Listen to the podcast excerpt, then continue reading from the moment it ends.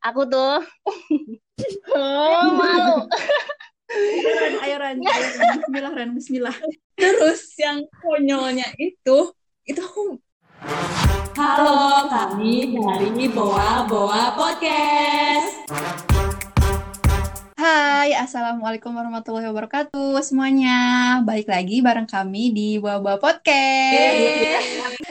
Nah, episode sekarang karena kita lagi di momen yang banyak banget tugas, mumet banget pikiran tuh. Jadi kita pengen sharing tentang hal konyol yang pernah kita lakuin nih selama hidup kita. Eh, dimulai dari siapa ya? Kayaknya ini deh, dari golongan darah yang paling konyol B kan. ya udah, dimulai dari golongan darah B. Kayaknya Rika deh yang lebih banyak konyolnya. Ini terjadi waktu pas SMP. Jadi kan ada rumah hantu, rumah hantunya tuh kecil, nggak terlalu terkenal juga, cuman kecil. Terus pokoknya yang yang datang ke situ aku dan keluarga besar aku kalau eh, kalau nggak salah ya, iya benar-benar. Kok sama keluarga besar aku. Nah ada ada yang ngajak gitu dari kakak, dari sepupu tuh ikut yuk ikut. Terus aku seumur hidup gak pernah tuh nggak pernah masuk eh, nggak pernah masuk rumah hantu, nggak pernah main gitu-gituan emang nggak Hmm. pernah. Tapi kayak ya udah ya udah coba gitu pertama kali. Terus awalnya sih nggak mikir nggak mikir apa-apa ya udah eh, coba aja gitu karena kayaknya seru gitu buat jadi pengalaman. Terus kan bertiga tuh yang masuk tuh aku, kakak aku sama sepupu aku. Itu bayar berapa ya? Kalau nggak salah 10, 15 gitu satu orang. Terus eh, rumah hantunya tuh kayak di bilik gitu. Jadi triplek itu bukan rumah triplek dan nggak terlalu gede sebenarnya cuman ada cuman ada sekitar pokoknya pokoknya nggak luas. Nah, di situ aku pakai jeans, pakai kaos dan pakai kerudung segi empat kalau nggak salah. Masuk tuh, nah masuk bertiga ada satu orang yang dari pihak sananya buat nemenin. Ternyata aku kira tuh, aku ekspektasinya tuh setannya itu, setannya tuh boneka gitu. Ternyata itu orang, literally orang yang emang dandanin pakai kayak pocong. Kalau misalnya kalau nggak salah itu ada pocong, ada ada kuntilanak, ada siapa pokoknya aku merasa itu banyak banget setannya, tapi tempatnya tuh sempit gitu. Terus pas masuk nih masuk ada musiknya, terus kan aku ekspektasinya ekspektasinya kan boneka ya ternyata itu orang orang dan dia tuh megang-megang gitu loh.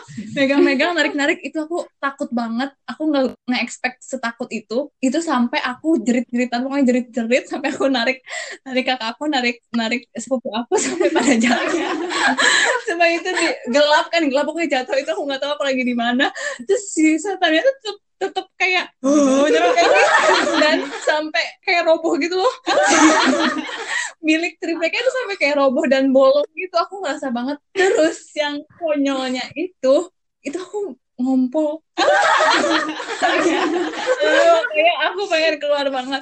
Sampai nggak karuan sampai yang nganternya juga kayak ketawa-ketawa gitu terus aku nangis terus aku ngompol di sini. Ya Allah. Udah pokoknya waktu pas keluar keluar tuh banyak orang gitu kan sumpah aku malu banget.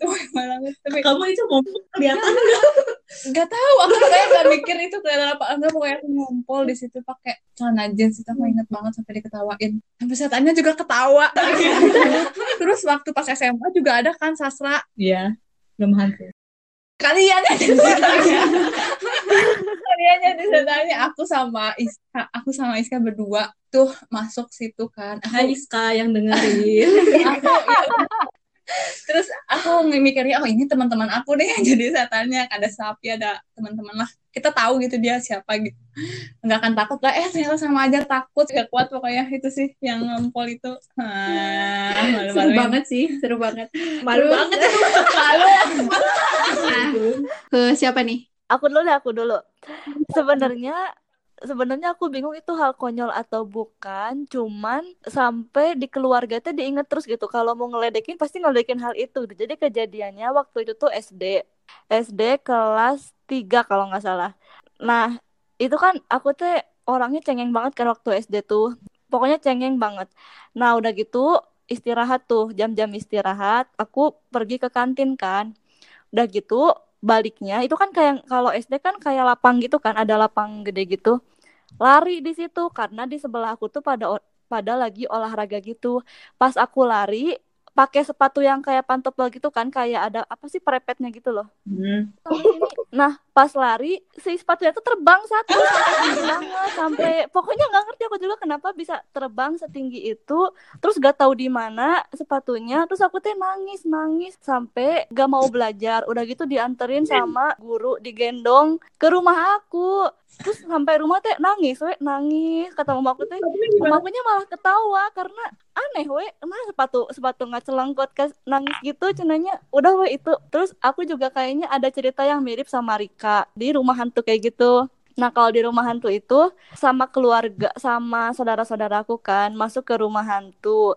Emang emang dasarnya penakut ya. Terus kita teh eh, masuk ya ke rumah hantu. Sepanjang jalan aku teh merem, merem we nggak lihat sampai sini. Pas keluar, pas keluar pada ngomongin kan, eh tadi di sebelah sini ada ini ya. Aku diam aja karena aku nggak tahu apa-apa. Jalannya gimana? Jalannya ya udah aku merem megang megang ke yang depan aku yang depan aku kan pada lihat-lihat kiri kanan kan terus kayak ketawa teriak-teriak aku cuman merem teriak merem teriak tapi nggak lihat apa-apa gini makanya pas orang-orang cerita aku diem aja karena aku nggak tahu apa yang ada di dalam itu gitu Coba Lanjut lanjut. sekarang lanjut ke Safira. ini sebenarnya konyol aku teh berhubungan sama sholat ya. ya Allah maafin pokoknya mah. Ini pas SD kan sholat biasa ya sholat. Habis lihat TV tuh apa gitu. Orang sholat kayak di hutan, kayak di apa, kayak gitu. Terus eh, mendengar kalau ih pahala itu lebih besar gara-gara ada perjuangan di dalam itunya gitu. Namanya juga anak SD ya. Jadi di rumah itu ada tempat kasur, jadi gak ada kasurnya gitu. Terus aku tuh kayak, ya ranjang kayu gitu. Terus aku tuh kayak, kayaknya sholat di atas itu menantang. Terus aku gak tahu ini kayak kelas 2 kan kelas 3 SD ya. Kayaknya sholat di atas ranjang menantang. Dan soalnya itu tuh kayu bolong-bolong gitu kan. Terus mikirnya tuh kayak, nanti rukunya gimana pasti goyang-goyang. Nanti gimana gitu kan. Terus aku tuh kayak, ah menantang berarti dada kepalanya gede. Gitu. Ya udah jadi sholat di atas ranjang. Gitu selama sholat ya ngegetar terus. Terus sujudnya susah eh, rukunya susah bangunnya susah kayak gitu. Tapi pas setelah itu terus aku turun dari ranjang ngapain sih sholat di atas ranjang gak ada faedahnya gitu kenapa aku dulu dulu mikirnya kayak gitu gitu Aku, aku, boleh gak? Boleh boleh stop. Gimana Ji? Aku baru jadi keinget pernah waktu itu masih kecil ya, kayaknya SD lah, nggak tahu SD nggak tahu TK. Jadi di rumah tuh lagi bikin sesuatu gitu, lagi bikin makanan gitu lah. Terus aku tuh pengen minta sesuatu sama mama, tapi gak dicumponin ya, gak dikasih sih. si Gak sesuatu. dicumponin. Pokoknya gak dikasih gitu aku a- Ya, apa yang aku minta heeh, gak diturutin. Terus dengan bodohnya aku gini ngambil pisau dan bilang, "Oh, gerak." drama banget itu mah drama banget. Namun neng mah dikeret gerak. Terus mama aku ya malah sok atuh. Gak gak gak.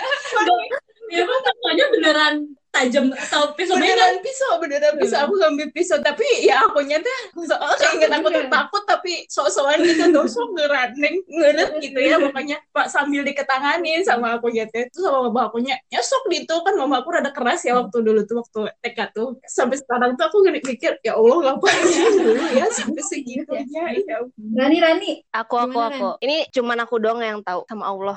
Waktu kecil, waktu SD sampai SD kelas 6 pokoknya. Aku kan kalau SD tuh naik angkot ya pulangnya. Terus tahu kan rumah aku kan ya harus buka gembok dulu, gembok pagar yang di depan. Terus udah buka pagar itu eh, si pintunya itu harus dibuka lagi, dikuncikan. Itu emang biasanya kalau aku pulang sekolah tuh nggak ada siapa-siapa. Aku pulang jam berapa ya? Jam 12-an, jam satuan itu udah pulang. Pas di sekolah tuh sama sekali nggak ada kebelet atau apa tuh nggak ada. Akhirnya kan aku suka lewat gang kan, gang yang di depan rumah itu. Pas ke deket rumah itu Ya Allah itu selalu aja sering banget hampir setiap hari tapi nggak setiap hari banget sih sampai depan rumah ngambil kunci korek korek korek duh lama banget duh kok perasaan udah nggak enak udah nggak karuan kaki tuh udah nggak bisa diem gitu ya. Terus udah selesai dikit-dikit naik tangga. Aduh kok ini udah makin nggak enak. Bener-bener seketika itu juga kebelet banget. Sampai pernah aku nggak kuat untuk naik tangga. Saking kebeletnya Aku balik lagi, jalan ke gang lagi untuk nyari alasan biar aku gerak-gerak terus. Itu saking gak kuatnya nggak tahu kenapa, selalu kayak gitu. Abis itu bolak-balik udah ke ini nih jalan raya kan di di depan rumah aku udah jam sampai jalan raya. Oke, udah udah tenang. Balik lagi ke rumah. Kebelet banget, bulak-balik bulak-balik. Akhirnya gak kuat nahan, nyampe di depan rumah beser banget. Gak kuat sampai gak kuat sampai ke kamar mandi belum dibuka kan. Kadang udah dibuka itu masih pakai sepatu sepatu warrior tau gak sih? Ribet banget kan buka talinya tasnya berat banget. Dari SD aku bawa tas suka berat kan. Udah udah mah kan tahu kan rumah aku di dalamnya ada pintu lagi pintunya dua. Belum lagi ke kamar mandinya dikunci lagi segala macem. Nah nggak nyampe kayak gitu. Malu banget ini semua. Ada yang kadang aku besernya di tangga di depan pintu di depan pintu eh, apa pintu rumah. Pintu rumah beneran pintu rumah bukan pagar. Kadang pernah waktu itu di di luar di luar ya Allah itu di luar rumah asli di depan pagar pagar yang putih itu masih di luar belum buka gembok. Beser we di situ. Udah buka pintu rumah belum nyampe ke kamar mandi masih di ruang tamu itu beser juga di situ. Udah beberapa kali pokoknya ya udahlah. Harus eh, beres-beres kan harus ngebersihin segala macam. Itu udah langganan banget bener-bener langganan. Ngambil apel lah ke dapur. Itu aku sendiri yang ngeberesin. Kalau misalnya lagi di besarnya di depan rumah tengok kanan kiri ada yang lihat kagak ya?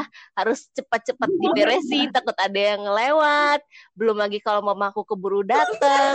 Apa aneh kayak gitu kan untungnya untungnya nggak ada yang tahu. Itu beneran nggak ada yang tahu woi beneran. Nggak ada yang sempat pulang gitu. Maksudnya eh, keburu ketahuan gitu sama orang rumah. Nggak ada. Aku sempat sempatnya untuk ngebersihin kayak gitu. Waktu itu hampir-hampir ketahuan tapi untungnya keburu bersih dan ya udah langsung diberesin langsung dibawa ke dapur lapnya itu sampai SD kelas 6 masih kayak gitu. Ya Allah malu banget. Kan hampir setiap hari ya. Berarti kamu roknya gimana? Oh my god. ya berarti dari setiap hari. Berarti kan basah banget Gak tiap hari sih bener ya Allah. Ya ada seminggu tiga kali mah adalah Kan seragamnya ganti-ganti Iya kan? Untungnya cukup Nggak tahu. Mama kamu nggak tahu Ran sampai kelas 6. Gak tahu. Mamanya Rani semoga denger ya Nah, sekarang giliran aku ya. Nah, kalau dari aku hal konyolnya itu kalau dari keluarga nih, eh, sampai sekarang tuh masih inget aja keluarga aku tuh kalau misalkan mau malam lebaran tuh pasti aja diingetnya tuh ke aku gitu momen itu. Jadi pas dulu, pas aku umur SD dah, SD kelas 2 gitu, kelas 2 berarti umur 8 tahun atau 7 tahunan lagi. Mm-mm. Nah, itu tuh eh, kalau setiap mau malam lebaran eh, ada acara malam-malam gitu. Malam-malam tuh eh, jadi abu gitu, pakai minyak tanah gitu. Nah, itu tuh diketanahin sesuai jumlah jumlah keluarga. Nah, kan itu jumlah keluarga kan banyak ya, keluarga besar dihitungnya tuh keluarga besar. Terus sama kayak tanaman-tanaman eh hewan-hewan ternak juga dihitung kayak Heeh, jadi aku tuh punya kambing, punya ayam. Nah, itu juga dihitung. Nah, waktu itu banyak banget sampai hampir 24 kayak atau berapa gitu. si Abu itu tuh sampai 24 satu dua tiga empat lima sampai 24 terus di dinyalain api kan semuanya dinyalain api nah terus ngerayainnya tuh eh, sama anak-anak cucu-cucunya gitu aku teteh aku. Dan di situ tuh aku yang paling kecil anak yang paling kecil tuh aku. Nah eh, udah ada apinya tuh banyak. Nah di sampah semuanya tuh bawa suluh gitu buat di korek-korek gitu loh biar apinya tetap ada. Mm-mm. jadi kayak terus sambil ngomong malam malam malam malam malam malam gitu bener. Jadi kayak semuanya tuh kayak heboh aja gitu rame. Malam malam malam malam. Sambil ngelilingin yang 24 itu nah aku tuh gara-gara ada angin juga pas waktu itu ada angin yang arahnya ke aku apinya otomatis kan ke aku. Nah aku tuh ngehindarin api jadi aku tuh ke bawah ke jurang. Jadi aku jatuh. Tapi emang gak jurang banget cuman pokoknya dari lutut sampai ke kaki mata kaki gitu tingginya tuh. Aku tuh jatuh bukannya ditolongin malah diketawain sama keluarga aku. Pokoknya dari situ sampai sampai sekarang juga kalau misalkan malam-malam pasti disangkut pautinya tuh ke situ aja. Kayak dibercandain gitu. Kamu tuh jatuhnya jatuh yang gitu. Iya gitu ke belakang gitu. Soalnya anginnya tuh gede tiba-tiba aja angin gede terus api nyamber ke aku. Ah! ke belakang. Itu hal konyol sih seharusnya aku tuh jangan itu tuh gara-gara namanya anak kecil jadi kayak semangat banget gitu loh. Ceroboh lah intinya kayak ceroboh gitu. Udah tahu itu jurang harusnya kamu jangan ke situ gitu nah terus kalau di sekarang kalau di kosan aku pernah sih ngalamin. Waktu itu kan eh, pulang kuliah capek gitu. Terus aku ya tidur lah di kosan. Sekitar jam 10-an tidur lah aku tadi kosan. Eh nggak taunya ada tamu tuh ketok-ketok pintu. Nah aku nggak Hmm. tahu kan. Aku bangun tuh padahal baru banget tidur itu tuh. Aku bangun terus eh, si ternyata cutting dia tuh nyariin teteh aku gitu. Ketok-ketok dia tuh aku buka. Eh teh aku terus, terus aku ngomong eh teteh assalamualaikum kata aku.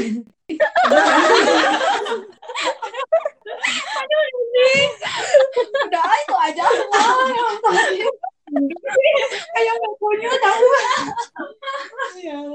Udah deh, lanjut. Lanjut ke kan tadi kita udah ngebahas tentang uh, hal konyol yang pernah kita alami nih. Pengen tahu di hal konyol uh, hal konyol yang biasa kalian lakuin tapi orang lain tuh nggak tahu gitu. Ada nggak hal hal konyol yang kalian tuh cuman kalian yang tahu gitu? Ada nggak? Ya jadi tahu dong. Sekarang lebih Iya, saya cuma kita doang tahu. Aku jadi tahu dong. Nggak apa-apa nggak apa-apa. Kalau aku ya biasanya aku tuh hal konyol tuh emang ya cuma aku aku aja yang tahu. Kayak tadi juga yang hal konyol yang sholat itu sebenarnya cuma aku doang yang tahu gitu. Terus kayak pas SD hal konyolnya tuh kalau sama teman-teman itu nggak pernah nge sama ngelakuin hal konyol. Cuman eh dilakuinnya tuh kan sendiri aku tuh. Aku tuh sering banget yang sampai sekarang ini sampai sekarang ya dilakuin ya. Kan di rumah tuh eh kamar mandi ada dua ya satunya kan shower. Aku tuh suka di yang shower itu? Nangis bukan. Nyanyi-nyanyi. Terus jadi pura-pura jadi artis model apa yang apa yang buka sampo mungkin mungkin itu rahasia sapi. Kenapa mandi lama di kamar mandi? Ya jadi kan kalau aku mah sangat menikmati waktu mandi ya karena enak aja gitu ngebersihin diri kayak gitu. Jadi kalau misalnya mandi apalagi di shower kan jadi kayak udah kita berdiri diem aja gitu. Pasti ada aja misalnya nari-nari sendiri terus misalnya nyanyi-nyanyi sendiri. Dan sampai sekarang itu masih ya kadang-kadang kadang-kadang masih dilakuin. Itu sih paling aku itu nggak tahu ya hal konyol atau enggak tapi menurut aku konyol. Konyol, konyol sih sih konyol Ai emang gak suka gitu Ai? Enggak dong aku mah nggak Eh. gitu. Nah, jarang mandi. sorry aku rajin mandi sorry. Eh, coba lanjut ke siapa nih? Aku aku. Rani ya sok Ya Allah, ini bukan konyol ya, memalukan astagfirullah. Ya udah deh, nggak apa-apa ya. Ini mah normal dah. Aku tuh banyak kebiasaan, guys. Kalian pasti nggak tahu deh. Yang tahu ini tuh cuman aku, Allah, sama mama aku. Aku tuh oh, malu. Ayo Ran, ayo Ran. Bismillah Ran, Bismillah. Nggak tahu ya kenapa ya. Kayaknya fisiologis aku deh. Eh, Ini alasan aja. Fisiologis aku emang masalahnya di pencernaan, guys. Aku tuh sangat mudah membuat gas dalam perut aku, entah itu di lambung ataupun di usus. Jadi keluar atas bawah itu mudah sekali, guys. Ngerti nggak? Eh, Iya, iya, iya, kalian nggak? ngerti. Nih nih, kalau misalnya kalian mau tahu ya, kalian itu harus nginep dulu berapa lama ya? Beberapa hari dulu biar tahu kebiasaan aku. Aku tuh terapnya terap, sendawanya tuh gede, kentutnya juga gede. yang tahu kebiasaan itu cuma aku sama mama aku. Kadang mama aku tuh suka, kamu mah kayak gini terus. Ntar kalau ketahuan sama orang lain kayak gimana, malu sama mertua. kenapa orang segede apa Ya tahu kan? Bisa dihilangin gak sih Ran? Bisa jadiin biasa gitu. Bisa. bisa dibedain nggak Enggak lah. Sekarang eh, lanjut ke Rika. Aku nggak tahu kebiasaan yang nggak diketahui orang lain. Kayaknya Gak ada ya? orang rumah juga pada tahu. Kayaknya nggak ada yang yang aneh, biasa aja. Oh berarti Rika tuh udah emang hal konyol tuh jadi hal biasa. Aku kira, aku kira kamu mau bilang apa sih? Oh, hidup Rika mah ya emang udah udah normal. Kalau Jia gimana Ji? Ada ya? gak hal konyol. Nah, yang kebiasaan kebiasaan hal konyol yang orang lain tuh nggak tahu gitu? tahu sih kayaknya pada tahu. Apa ya? Nggak tahu ya eh, aku mah kalau lagi sama teman-teman gitu terus kalau ngedenger lagu tuh gak bisa diem. Aku mah sumpah kayak pengennya tuh bawaannya joget aja ya. Pernah waktu itu juga pas pulang SMP kan jalannya dari SMP tuh ke sampai ke depan ya. Sampai ke jalan raya tuh jalan gitu lagi berdua sama temen terus itu lagi rame kan biasa kalau pulang bubaran tuh rame gitu. Terus ada biasa satu konter yang suka ituin lagu di situ teh ya. aku teh nggak tahan di situ pengen joget. Joget joget. Ya, ya, ya menurut aku mah biasa aja tapi temen akunya malu gitu. Pokoknya sampai sekarang kayak dia diem dia diem. Kalau ada lagu tuh selalu digituin dia diem. Ya tapi udah gimana ya suka kebawa aja gitu ke suasana. Kalau aku kalau aku mah sebenarnya biasa sih hal itu tuh. Kata aku mah hal biasa aja. Konyol ya? Heeh. itu apalagi sampai sekarang. Apa? soalnya emang aku nggak punya. Uh, kalau misalnya pakai jeans kan jeans aku tuh kebanyakan tuh di pinggangnya tuh kegedean gitu. Terus aku tuh nggak punya sabuk. Jadi aku ganti pakai tali rapinya dan itu tuh. Aduh uh, keluarga aku tuh udah pada tahu semua di rumah nih. Uh, ada tali rapinya gitu yang nganggur ibu aku atau teteh aku tuh suka itu kasihin aja ke si dede. Aduh aku tuh malu banget tapi itu itu kebiasaan aku sampai sekarang. Sebenarnya bisa-bisa aja sih beli sabuk cuman gak tahu asa nggak pernah kepikiran beli sabuk tuh nggak pernah Eh, kepikiran guys. gitu Coba cek Udah, sekarang. Ai celananya Apa? atau roknya pakai tali rapi atau enggak? aku nggak pakai jeans sekarang Hera-hera gimana Gak tahu aku aku nggak tahu itu konyol atau bukan. Kalau pas SD pas SD ya aku mah pas SD tuh kalau nggak pengen upacara sering banget nyumput di ini gening di kolong meja di bangku paling belakang itu kayaknya orang-orang nggak ada yang tahu deh sampai saat ini gitu kebiasaan yang orang lain nggak tahu. Kenapa emang? Males males. Jadi aku setiap mau upacara di belakang ini di belakang pokoknya meja paling belakang aja. Kalau ada guru masuk ke kelas aku langsung nyumput lagi gitu sampai gak ketahuan. Itu kamu sendiri apa sama teman? sendiri dong percaya diri banget ya. Sendiri sama apa ya? aku hal kon yang nggak diketahui orang kayaknya waktu kapan ya? SMP baru tapi itu mah ya aku saking nggak pengen ketinggalan gak tahu sinetron gak tahu apa gitu ya sampai sholatnya pinggir TV banget. Depan depan depan TV banget aku sholat di situ. Itu SMP deh kayak. Kayaknya itu aku pas bulan Ramadan kemarin juga gitu deh. kayaknya tuh kayak gitu deh Taraweh Ya sambil nyetel aku menangis. Aduh Indosiar banget. Kan eh, kita tuh pernah punya pengalaman konyol kayak gitu ya. Nah, kita kan pas ngerasa malu nih. Kalian tuh ada usahanya gak sih buat ngilangin rasa malu itu atau udah biarin aja gitu? aja kayak udah gak bisa ngehindar gak sih kalau udah udah masa malu Berarti solusinya udah pasrahin aja ya. aku gak aku Kalau yang lain gimana? Kalau aku karena hal konyolnya yang tahu cuman aku dan Tuhan, ya aku nggak ngerasa malu gitu. Terus kayak ya udah sekarang yang tahunya orang banyak Gimana? ya udahlah nggak apa-apa ya satu satu kayak gitu soalnya kayak yang berhubungan sama hal konyol yang aku lakuin tuh apalagi kalau sekarang itu teh kayak ngilangin stres gitu loh ngilangin penat gitu jadinya ya udah nggak nggak malu Aku aku kalau Iya, aku ya emang malu banget ya. Cuman lama-lama kayaknya aku harus mengakui ini deh karena memang ini diri aku. Jadinya sedikit demi sedikit aku harus menerima ini dan memberitahu orang banyak biar mereka juga bisa menerima aku apa adanya. Jadinya coba Iya nggak sih? Maksudnya ya udah terima aja lah, heeh, terima aja dan belajar untuk me- membiarkan orang lain juga tahu tentang itu dan dari akunya sendiri harus apa ya tetap percaya diri dengan diri aku sendiri. Biar aku juga nggak jadi malu-maluin ya udah sih biarin aja deh mau aku mah kayak gini gitu.